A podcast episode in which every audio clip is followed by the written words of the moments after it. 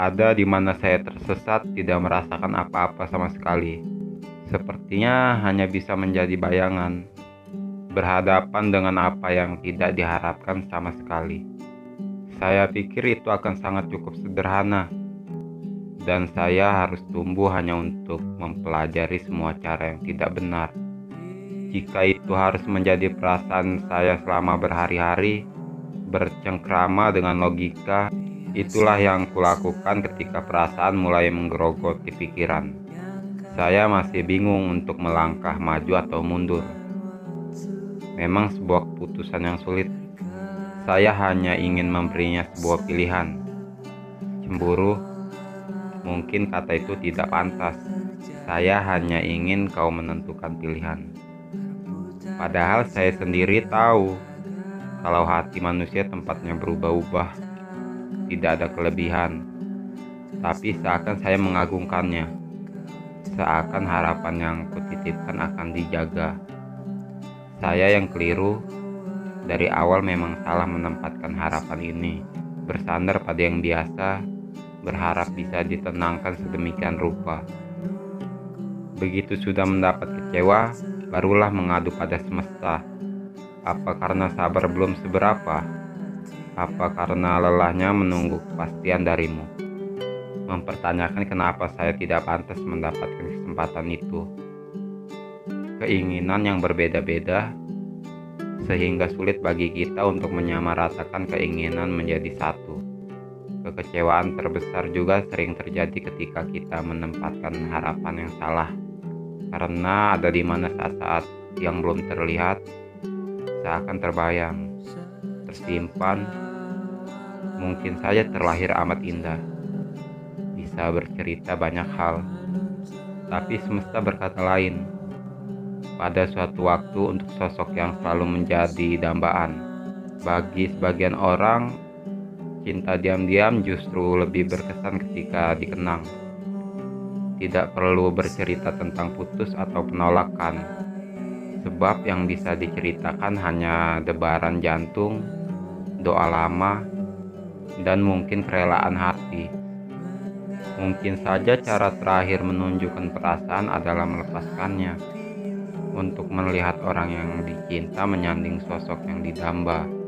Sebab saya lebih suka melihatmu jatuh cinta daripada patah hati.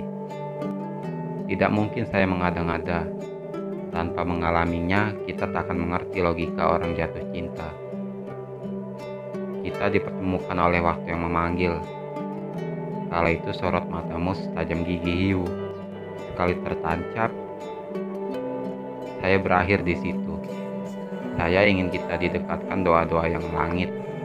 Ada alasan mengapa mencoba sesuatu yang baru akan berujung baik. Kamu perlu menempatkan diri dalam situasi baru untuk menghadapi apa yang tidak dikenal.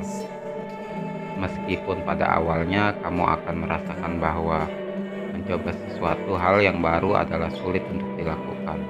Terlarut dalam kecanggungan antara dua orang yang tidak mengenal satu sama lain. Seharusnya kamu sadar untuk menempatkan posisimu. Kita menjadi sama, menjadi bayang pada tubuh orang lain. Namun bedanya segalanya akan saya persiapkan secara sempurna untukmu. Setelah sekian lama waktu berjalan, persoalan memendam perasaan tak bisa jadi hal yang disimpan terus-menerus.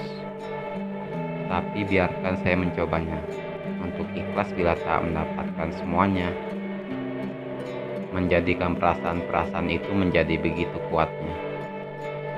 Selain menyanyiakan waktu, kembali mengembara dan adaptasi lagi itu tidak mudah. Rasanya sulit untuk menarik kembali perasaan itu terlanjur menyukai seseorang, rasanya susah untuk langsung menghapus semua harapan yang sudah dibuat. Kamu harus tahu apa yang pantas untuk dirimu. Saya menjadikan kamu untuk layak diperjuangkan. Karena hanya yang benar-benar terbukti tulus mencintaimu itulah yang memang layak untuk diperjuangkan. Semakin terangkum, tertulis dari apa yang diinginkan, memenuhi kata per kata dari setiap lembar buku. Mantra-mantra oasis tentangmu kutunjukkan hanya untukmu. Ini sudah lama saya kumpulkan. Saya untai dari sekian banyak ruang waktu yang jarang kujumpai dari dirimu dalam wujud mauku. biarlah saya mengingatmu. Sekalipun saya menyebutmu, saya menyebutmu dengan tanpa sebutan. Bukan saya tak mempercayaimu, tapi kata-kata ini terlalu tak mampu untuk menjangkau esensimu. Kebaikanmu sudah sangat tak terkira hanya dengan berikan saya ruang waktu untuk mengenali semua strukturmu yang ini dulu. Saya tahu bahwa tudung doa juga mampu menemui segala keinginan yang ada, tapi muara jiwa lebih indah saat kelak kita bersama. Mengingatmu adalah lukisan angin, bunyi suara yang paling syahdu, mengharapkanmu seperti menelusuri setiap jalan dengan tujuan yang indah, seperti pantai berpasir putih. Saat ini saya memang lebih banyak berdiam diri, hanya sekedar untuk menyembunyikan rasa pilu di dalam hati. Sialnya pikiran ini tak pernah bisa jauh darimu. Dia terus menerawang ke belakang, memutar kembali cerita yang telah lama saya simpan. Seringkali saya harus menerima kenyataan bahwa logika dan hati ini berdebat karena dirimu. Bukannya saya tak terbiasa berada di dalam sepi. Sepi kini telah menjadi sahabatku, hingga ia tak lagi berniat untuk menyiksa. Sayangnya di tengah sepi itu datang rasa rindu. Ia seakan ingin mengadu bahwa ada bagian yang hilang dalam raga ini. Saya menikmati kata demi kata yang bisa dipelajari dari kamu. Bagaimana mungkin saya hilang ingatan? Tidakkah engkau telah memenuhi kesadaranku? Akalmu mematahkan nalarku. Ada hati yang lembab di lembah penantian menanti kapan ia menyatakan diri. Ada kata tak berpihak ya seperti dosa tak layak saya ucapkan. Juga digunakan, kadang bersambut dan kadang tidak untuk kemudian mengalami siklus yang sama lagi, mengagumi. Bukankah perjalanan yang panjang selalu dimulai dari langkah-langkah kecil? Barangkali kita akan terjatuh, tertatih, tersandung batu-batu, tersesat, bahkan juga terluka. Satu hal yang penting di antara semua itu, kita harus selalu berjalan bersisian, bukannya saling memunggungi dan menjauh di suatu persimpangan bagaimana memberikan yang terbaik untukmu. Karena yang terbaik untukmu adalah yang terbaik untukku juga. Membebaskan kamu meraih kebahagiaanmu. Mempercayaimu seperti saya mempercayai diri sendiri. Saya bahagia bila kamu bahagia. Saya mendengar gemuruh yang menyeruak dari dalam hati ini.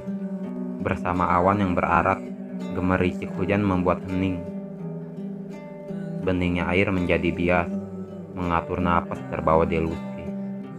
Nyatanya, tenang tak ada dalam pelarian.